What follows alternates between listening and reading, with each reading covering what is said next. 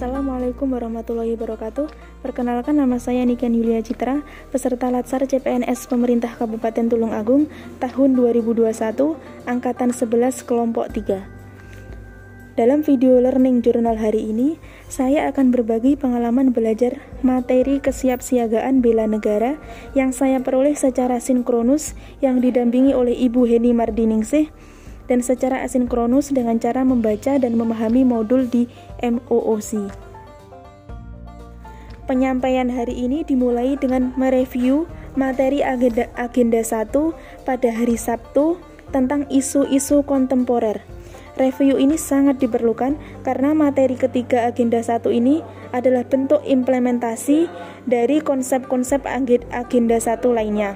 Selain itu, materi agenda 1 tentang isu-isu kontemporer ini sangat berkaitan dengan agenda 4 nanti tentang cara-cara menyusun rancangan aktualisasi. Dengan adanya pemahaman wawasan kebangsaan dan kemampuan untuk memahami isu-isu strategis, seorang ASN akan memiliki modal kesiapsiagaan bela negara.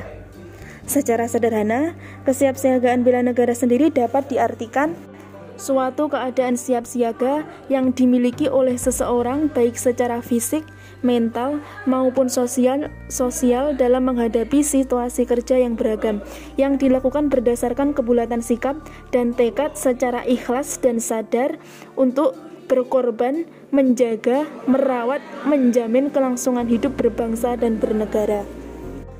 Materi kesiapsiagaan bela negara ini menjadi sangat penting karena ancaman, gangguan, hambatan, dan tantangan dapat timbul sewaktu-waktu dan sering tidak kita sadari atau kita prediksi.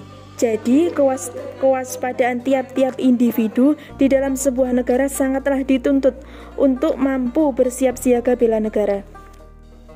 Untuk itu, di materi ketiga ini atau di hari ini, kita belajar tentang kemampuan awal bela negara.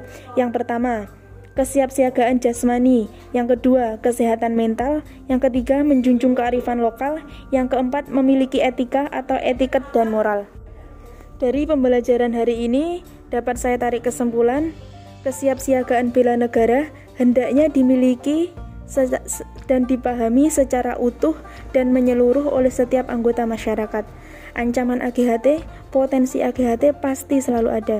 Jadi sudah saatnya sebagai garis pertahanan cadangan kita meningkatkan upaya kewaspadaan siap siaga untuk menjaga kedaulatan negara Republik Indonesia.